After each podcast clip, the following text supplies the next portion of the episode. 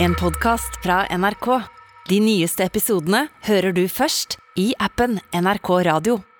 Velkommen til en ny episode med podkasten Skittprat med Jens Isak. Jeg heter Jens. Og jeg heter Isak. I dag, Isak, så tror jeg vi har en veldig spesiell episode foran oss. Ja, vi har en pauseepisode.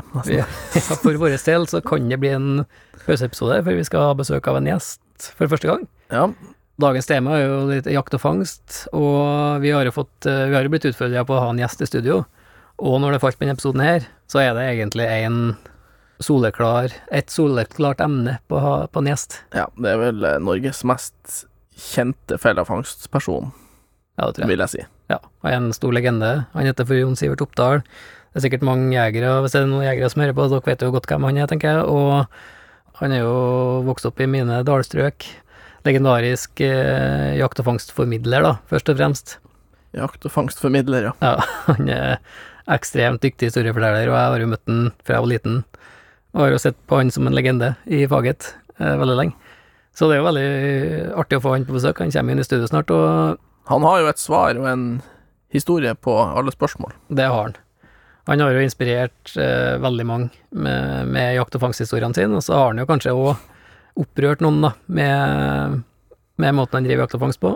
En veldig, veldig trivelig mann, og vi gleder oss veldig til å få han på besøk. Eh, så for du som hører på, så blir dette en helt annerledes og ny opplevelse, tror jeg, å høre på podkasten vår.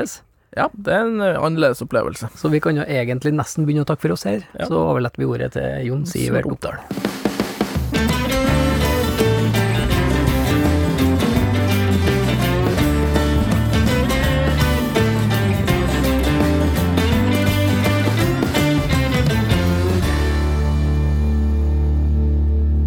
Hjertelig velkommen, Jon. Da sier jeg tusen takk for det. Jeg må jo si jeg syns det er en ære å se dere. Som jeg har jo bodd med indianerne i Canada, det har du òg gjort. Og i deres kultur så var det jo vanlig når du var, fikk gjest, eller du kom på besøk, så var det vanlig å gi en gave. Så jeg har med en gave til deg, Jon. Og i går så hadde jeg besøk av en eh, same fra Børgefjell, som driver med rein, da. Så jeg har med meg en, eh, en bit reinkjøtt til deg, Jon. Du verden. Jeg må si hjertelig tusen takk. Vær så god. Tusen hjertelig. Ja, det var en ære. Men du, du må fortelle oss litt om hvor du Altså, hvordan var det jakt- og fangstlivet ditt begynte, egentlig? Det må du fortelle oss og dem som hører på om. Det begynte med at jeg som liten treåring ble henta av en Jakob Wedemann, søskenbarnet mitt, for jeg skulle bli fjellkar. Han ville at jeg skulle høre tiuren som spilte ved, ved Dalkjønna. Og det ble sånn at han plasserte meg i en ryggsekk, og far min og han de sykla opp. Og her kom vi opp til den gamle hytta til fylkesmann Guldal, som har freda Kjønna på 1920-tallet og sluppet ut i regnburet. Her lå vi om natta, og neste dag så var Jakob opp tidligst og koka kaffe og vært og kikka før vi hivde ut ei lita marklin. Den dagen her dro vi nordover mot Verdalkjønnen som ligger i Snåsa, og som var reisens mål. Og her om kvelden kom vi ned til en silderbekk med den klareste vann og den fineste sandbunn, Og her, sa far min, her har jeg kokt kaffe helt siden jeg kom hjem fra Amerika i 31. Store all verden for en plass. Og her lå det ei skjørtgran med greinene helt ned i marka. Og her, sa han Liss Jakob, her skal vi ligge i natt. Og her la han mer granbar rundt meg, for vi har ikke sengklær. Og så sa han til meg at nå skal du lære deg det jeg forteller deg, Jon. For det er viktig, det er lærdommen du får nå. Og så bøyde han seg over meg, og så sa han, Vi Oppdal-karene, vi tilhører de gamle slekter her i landet. De gamle slekter, det er jegerfolket. Det er folket som betyr noen ting. Og det er og var blant jegerfolket at du fant fortellerne, og det var jegerfolket som berga de gamle sagn så de aldri ble glemt. Og det er jegerfolket som har trubadurene, som kan sitte i utkanten av leirbålet om kveldene og fortelle eventyr. Og du skal bli en sånn en, for du skal bli lik en som far din og meg, og da må du lære deg å forstå hva det dreier seg om. Forbud én, du skal ha din egen selvrespekt. Du skal kun omgås folk du liker, og folk som snakker stygt om hundene, de snakker stygt om dine hunder. Sørg for å holde seg unna sånt. Du skal aldri gå bakover og neie til en kjeft, og så skal du være ærlig, og så kan du gjerne løfte på en stein litt av og til og bli litt sterk, for du skal ikke gå livet gjennom over å være vettskremt, Jon. For det er ikke vi, Oppdal-karene. Det er ikke noen tvil om at du har vokst opp med rette jegerfolket, Jon, og historiefortellere, ikke minst. Du er jo helt klart en av landets dyktigste historiefortellere. Men eh, altså, i dag tenkte vi å prate litt om eh, snare og fellefangst. Det er jo noe vi er interessert i, og noe som du inspirerte meg til å begynne med, faktisk, når jeg var ja, 15-16 år. Kjempe, det var en bestefar som tok meg med ned til deg på butikken din, og han kledde meg opp med både klær og feller og alt jeg trengte for å bli pelsjeger. og Altså, Kommer du på når du starta med altså, snarefangst og, og fellefangst, Jon? Jeg føler jeg egentlig hele tida har levd med dette. Mora mi, Pengni Alma. Alma betyr sjel på spansk og mor på russisk. Mora mi, jeg lurer på, hun sleit litt med meg og faren min. For det var nemlig det her det dreide seg om. Og jeg husker jeg var ikke mer enn fire-fem år gammel da vi var oppe i Dalkjønna, og faren min skjøt ned en stor tiur oppi haugen oppom. Den drog en heim og brukt taug og betta fast i fotene på han og bare drog han gjennom kjerr og rask, sånn at det etterlot seg en masse dun og fjær og blod. For det kalles sleping, de tyske jegerne brukte det. Herre drog han og hengte tiuren i ei grein rett over høgstabben, og den store tiuren draup blod ned på ei revsaks som ble satt opp. Han har med seg maurtue tatt øverst oppi maurtua, som han hadde med å drysse over det her, og her fella, og så sa han til meg at jeg regner med at den herren her, den morgenen som er drept mest tiur på leiken, at den går i før klokka elleve om kvelden, og det gjorde han. Det var en stor mår med California-gull i hersen. Og jeg hørte det small ut i kjettingen da han gikk i, over meteren lang, og det var den første måren jeg har løfta. Og så sa jeg til far min dette var jo fanken tute meg lett, da. Og da sa far min ja, alt er lett med fangst når du bare kan det, sånn. Men det var akkurat det å kan det. For jeg var sur på far min at han skjøt i tiuren. For jeg syns ikke det var mange igjen. Da hadde jeg sett 28 på et kveldsspill som spilte borti der. Og jeg som liten guttunge med sorg kan si at jeg hørte tiur ble drept av morgen, for morgen kom opp på leiken. Små fal vi trodde var horra. Det var morgen som kom og hoppet akkurat som en horra.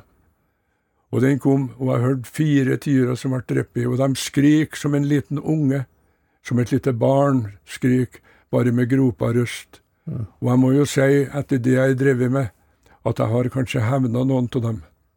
Men så det var egentlig, når du begynte med å fange rovdyr, da, så var det for å spare ja, altså matviltet, som tiur da, og ryper og, og Det var for å berge tyvleiken. Ja. Det var fra bergtiurene mine, som flaug over meg når jeg sto ut og høgde småved som liten kar, og bar inn ved, og da flaug de bort til leiken. Dette var største leik på Innherred.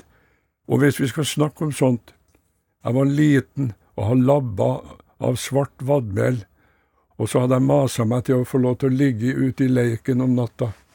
Og far min tok meg med, og vi for dit om ettermiddagen, og skorrene var sånn at det slo igjennom til han, og han bråka noe jævlig nedover Dalkjønnvatnet. Og helt i nedrenningen av Dalkjønna ligger leiken, og her plasserte han meg, grov meg ned innunder ei tell, og hadde med seg en sekk med granbar som jeg satt på, og så fikk jeg en par rulleteppen over meg, og så hadde han maten, var inni en håndduk, så ikke jeg skulle bråke med noe papir, og så hadde jeg fem skudd og en bajard med Hania kaliber 12, og jeg var ikke mer enn seks år. Og jeg forstår jo ikke far min, for han sa det kommer jo til å bli mørkt. Ja, det var jo greit, sa Men nå var jeg der for å passe på tiurene, så de fikk spille om natta. Og store veien jeg satt der, og det begynte å bli mørkt. Og så får jeg høre en enormt med fugl som slo opp i tella over meg, og det rasa grankongel og kvist utover meg, og jeg bøya hodet fram og la over meg ullteppet, for det stoppa ikke med å rase småkvist. Og jeg hørte den rota og var urolig oppi her. Og så hørte jeg en flaug en 30-40 meter, og ennå var det jo støppmørkt, men da hørte jeg en sette seg på ei knakrein som knaka. Og her kom månen opp, og jeg satt og fulgte med at det lyset ifra månen kom med lange fingre forbi fotene der jeg satt, og til slutt så var leiken bada i månelys. Da reiste jeg meg og tok med hagla, for jeg visste hvor tyren satt, og så kommer jeg gående, helt lydløst, og kikker opp, og der får jeg pinadø meg se at det sitter en fugl på ei grein rett oppå meg, uten haug. Kjempesvær tiur uten haug, som sitter, og jeg satte fra meg hagla inn mot en granlegg, og så klatrer jeg opp i tella ved siden av, og plutselig når jeg har klummet opp den fire meter kanskje, da så jeg at tiuren min satt inni månen. Det var som en stor sølvfugl, og jeg så at den satt uten haug, for han satt med hodet under venstre ving og sov. Og hvem i all verden som har sett noe sånt? Og han var ikke lenger unna, jeg kunne ha tatt borti han. Og store verden, så ærefrykt jeg fikk. Jeg var så stolt. Og så sa jeg til meg sjøl, jeg klatra ned, og da så jeg at det rima på børseløpene. Og så var jeg henta resten av utstyret mitt og satt meg her for å passe på tiuren min, som satt og sov rett over meg, og det var som å sitte i en katedral. Så rørt var jeg. Og så hører jeg at det knaker lenger oppi åsen, og det knaker, og det er lange knakinga. Jeg skjønte at det ikke var elg som trampa gjennom, at det måtte være større dyr. Og knakinga kommer, og det presser seg ned, og jeg merker under fotene at det rister i skårene. Og da kommer en rett foran meg, hva det er vet jeg ikke, for det var skråning framom meg, og han var på andre sida, det som kom gående. Og da hadde jeg tatt opp hagla, og så spente jeg hanen på høyreløpet, lada med revhagl. Og det som er det utrolig, jeg fantes ikke redd. Jeg var dønn rolig, og jeg sa til meg sjøl, Jon Sivert Oppdal, du er seks år gammel, og du er ikke noe redd, for samme hva det er, så har du to skudd. Og far min har lært meg å skjøte. Og jeg var, fantes ikke redd. Og når jeg spente han inn, klikk, sa det, da ble det stopp framom. Så hører jeg at det er noe som trekker seg vekk, for jeg hørte subba. Og her sovna jeg fra det hele, for det var jo ikke noe mer som skjedde, og så snødde det et snølag. Og jeg våkna med at tyren var på spillgreina og spilte om morgenen. Så hører jeg far min komme over dalkjønna, da var han 400-500 meter unna. Jeg hører det jævla levende i hard skåre som gikk sånn. Så kommer far min og stiller seg framfor meg, og jeg så hva utrolig letta han var at alt var greit. Dæven, jeg tenkte meg sjøl, du verden å la meg ligge oppi et, så sa jeg, jeg må kontrollere hva det var som var framom her, sa for det var ikke elg som knekte skårene. Nei, sa far min, vi skal ikke kontrollere noen ting. Tiuren var på greina helt til en så far min like nedom, ikke mer enn 40 meter nedom. Sjøl med det bråket. Og sto og fulgte med. Da fløy han lenger opp. Og dette var en stor tiur.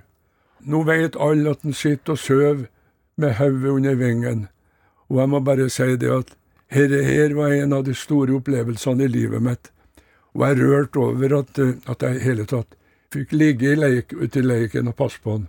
Så dette var livet mitt, og det var kanskje ikke å undres på at mora mi av og til har fortalt oss det at hun vurderte å dra hjem til mora si. ja, det skjønner jeg, men det er utrolig tøft at de lar deg sove ut når du er så ung, da. Det tror jeg er mange som kunne ha lært litt av i dag òg. Og så er det rørende å høre på altså, omsorgen du har for dyrene i skogen, at det som er, er motivasjonen for at uh, du drev fangst, da, for det kjenner jeg meg veldig godt igjen i. Det er jo sånn at Vi får jo spørsmål fra lytterne, Jon. og Vi har jo som vanlig fått inn mye spørsmål fra du som hører på, det setter vi pris på. Og Isak, du har jo plukka ut et, eh, et fint spørsmål for i dag. Vi har plukka ut et flott spørsmål. Og da er spørsmålet fra han Daniel Wold, og han lurer på om vi har noen faste ting i sekken. Han har for eksempel en neverpose stappfull av tørr never, fyrstikker og tennstål. Eh, og så har han en eh, dry pack med kaffe og kaker. kaffe og kaker òg, ja. Ja, det likte jeg. Kaker. Det er de tingene han alltid har med seg i sekk, uansett hvor han skal. Og da lurer han på hva vi er med. Jeg fikk jo til å si kaka, det, det var jo et kjempetips. Det var, et, det var ikke dumt. Nei, Kaffe og var... kake blir jo ofte tatt godt imot. Ja, det gjør det. Hva du har fast i sekken, Jon? Ja, det skal jeg fortelle. For mange år siden vi jakta storfuglen Torbjørn Tufte, redaktør av Villmannsliv. Og vi lå i hytta til svogeren min, og det var storm. Og det har vært regn og blåst ei uke. Så skulle vi ha lunsj midt på dagen, og så sier svogeren min, Steinar Brun, at Du, Jon, som har vært så mye sammen med samene, du får ta og tenne bål, du. Så sier jeg, her er det jo greit å tenne bål, sier Det var så bløtt at det skvatt når jeg dro sammen noen kvister på myra foran der de satt under ei, ei lurvgran. Så jeg hivde sammen en del rat, og så var det en skråning rett opp, og her var det dvergbjørklav igjen. Gul, hvitt nesten. Så sa jeg at her har vi jo alt jeg trenger, men da må du rive rett seg. Når du river av kjerret, og river av løvet på kjerret, da skal du rive med en spesiell rytme, så du får oljen inn i hendene dine, og det hiver deg opp på bålet. Dæven ta som jeg flekka av, og hiv på bålet. Så hadde jeg fått bygd opp bålet så de så ikke meg. Når jeg bøyde meg på kne bakom bålet, og i sidelomma på ryggsekken drog jeg ut en plastposse der jeg har 25 meter dorull innsausa med parafin og litt bensin. Og herre smakka jeg inn på innsida av bålet og ripa av, og da hadde jeg reist meg. Blum, sa det. To meter rett i lufta. Dæven, for et bål. Så sa det svogeren min at dæven, han Jon må ha vært mye sammen med samene. Så sa jeg ja, det samene har nå kanskje litt å lære her nå, sa jeg. Så det å tenne bål, ja. Det kan du. Hva annet altså, i sekken, hvis du skal på jakt, Jon, hva er det du har med i sekken? Jeg har med reservelys. Jeg opplevde en gang at lampa slukka akkurat når jeg da holdt på å skulle ta ut en mår. Og da var det jo greit å ha ekstra. Jeg har til og med ekstra batteri. Jeg har ekstra fyrstikker. Jeg har canadiske fyrstikker som brenner i full storm. Jeg har jern med meg sokker, og så har jeg alltid med meg ei underskjorte, for du går deg, du går deg varm.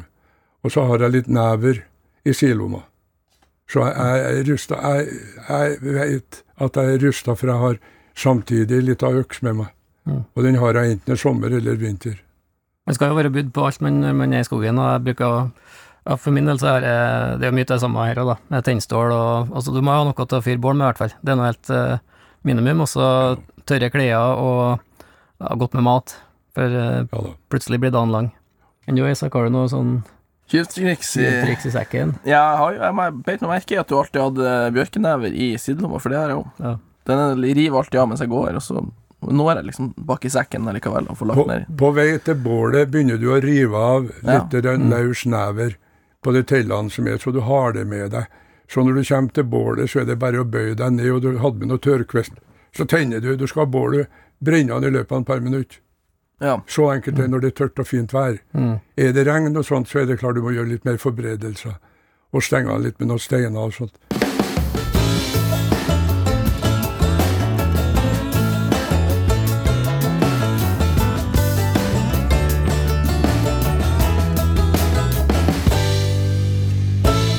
Men du, Jon, har du drevet på med jakt og fangst en mannsalder, og ja, både jeg og Isak tar nå gjerne imot noen tips, men kanskje er noen lyttere ute der som er unge, lovende pelsjegere. Altså, hvis du skal summere opp uh, mårfangsttipsa dine, da, altså hva er det du ville Hva er det viktigste du ville lært bort for å bli en, eh, en brukbar pelsjeger?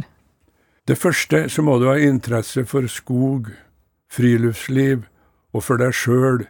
Du kan gjerne tilhøre dem som er litt ensomme. Når du kjører bil, så kjør for så det terrenget du skal fangste.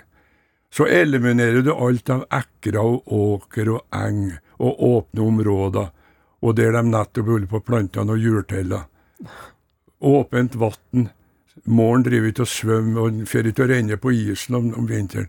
Det er ovenfor og nedenfor åsen.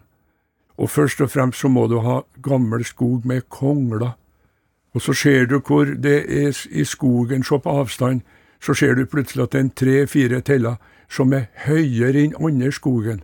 Det er en fangstplass. Her kan jo være ei rogn, kjempebra. Rognebær, eventyrlig diett for morgen. Beste morgen kan få, få ellers bringebær. Men her har du funnet en plass, og 30-40 meter lenger bort er det en ny sånn plass, og her er det en bekkedrag. Han følger alle bekkedragene. Her finner du en plass, og så vet du det at alle små sekkel ut i bekker og vassdrag som er fiskeførende, er også fangstplass både for mink og mår. Så er det én ting du skal se når du har funnet den plassen. Så ser du hvordan greinhenget er. Se på det store tella som står her. Så ser du greinhenget. Den har utspring lenger greiner, eksempel med at her har du hatt østavind. Da bles lukta utover, så det blir feil når du setter opp fella her. Du må bruke luktestoffet lenger inn, så du leder målen inn til fella di. Det bud én, for jeg bruker luktestoff. Jeg bruker luktestoffet til Tom Kraus fra Wyoming. Han fanger 120 mår i året, hvert år på det luktestoffet, og han selger ikke i Amerika på grunn av at han fanger på samme målen som andre borti her. Han selger kun til meg og de karene som får i til meg. Det er Tom Kraus luktestoff for mår. Ufattelig bra. Og da smører du litt luktestoff helt ned på oppgangsstokken, like ved fella, og på kjeften hvis du da bruker åsmufella. Og det er, som jeg skrev i Villmarksliv for mange herrens år siden, så er det sånn at uh, det skal ikke ta deg tre år fra fangen mår. Det skal gå an å ta dette ganske raskt. Og sånn er det, men du må finne plassene, og du må bruke enten flagging, noe fjære, hvite fjære på sommeren og på høsten, og mørke fjære på vinteren når det snør i dette land. Så henger du fjæra i ståltråd løkke i løkke, sånn at ditt fjærsavle blåser opp i greinene, og de kan jo dynke litt på. Og så er det det som er det fine når du begynner å se et mårspor. Så skal du lære deg når gikk måren her, og viten og hemmelig kunnskap fra 1893 tilsa at måren som kom med venstre labb først, han er på vei til å legge seg inn. Han vandrer seint på tidligmorgenen. Det er det siste sporet du ser av en. Det er med venstre labb først. Da ligger en i nærheten, i et hakkespetteri eller i et kråkereir, eller hva som helst. Begynner å se etter gammelt, gammel skog. Der er en. Det var det de holdt på med, mårfangerne før i tida. I 1930 så ble morgen freda og åpna opp igjen i 1969. I mellomtida hadde vi hatt revskabben som kom i 74, via Falster og via Lierne. Og første jeg skrev i Villmarksliv i 78, var gi oss 500 kroner for å ta en skabbrev. Det ble et ramaskrik da og fra vernerne. Men det var for at bonene kunne ha med seg rifla i traktoren. For du må skjøte den reven når du ser den når den er skabbet. Og så må du ha et tomt oljefat, hive oppi noe diesel og elle opp en sånn litt spre videre. Dette syntes jeg det var rimelig, en fikk 500 kroner for. Vernerne kom på banen. To år etterpå, når vi da blomstra over med mår i Norge, så skrev jeg i Villmarksliv La oss ta ut en mår hver, horrojegerne, la oss fange en mår hver. Nytt ramaskrik fra vernerne, for at jeg har skrevet at måren var en morder. På gammeltysk så er måren titulert som en morder. Men jeg har respekt for alt dere. Men han rydda nå lik forbanna ut tiurleiken min oppe Dalkynna. Og det er årsaken til at jeg begynte med dette. Altså, det har jo vært mye Altså, jeg har jo opplevd det sjøl òg, mye kritikk rundt det med, det med fangst av mår spesielt. og Hva du tror om fremtida da, Jon? Og så tror du det blir at vi fortsatt får lov til å holde på med dette her? Fremtida er akkurat sånn som den har vært. Jeg snakka med Amerikas største pelsjeger i går. Tom Kraus, han er rangert som en av de fem største i verden. Så diskuterte vi akkurat det herre. Så sa han at prisene på mår sin har stadig gått opp og ned. Nå er det måren som vil holde og berge pelsjegerne i statene nå i vinter, og likeens i Skandinavia. Og når jeg snakker om livet mitt, som jeg sier, jeg har vel ikke fått så veldig mye ros for alt jeg har gjort, men Peik Bendiksen ringte fra Finland, fra Nordisk råd, og fortalte at Danmark, Sverige og Finland var sjalu på at Norge hadde en pelsjegerforening. Mm. Og så lurte han på hvor mange som vi kunne stille med for det blir Norge som vi setter inn i tilfelle at vi får rabies til Norden. Så sa jeg de kan stille med 5000 mann, sa Og da får vi lønn fra staten for å ta ut rabiebefengt dyr. Så det Sykdom vil vi dessverre slite med hele tida. Du ser nå bare hvordan det har vært nå. Mm. Ja, det, det, er jo litt naturens gang. Det har jo vært et veldig spesielt liv her, for, for uh, har du interesse for det herre, så har du det, men du blir aldri utlært innfangst. men du kan bli veldig god på det.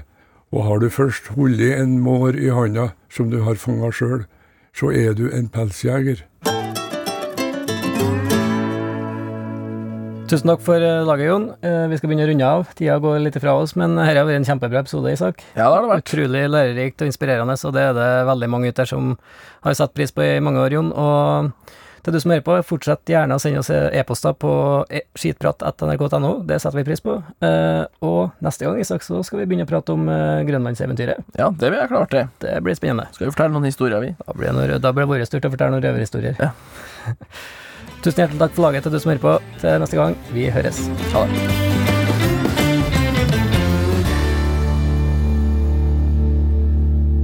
Du har hørt en podkast fra NRK. De nyeste episodene hører du først i appen NRK Radio.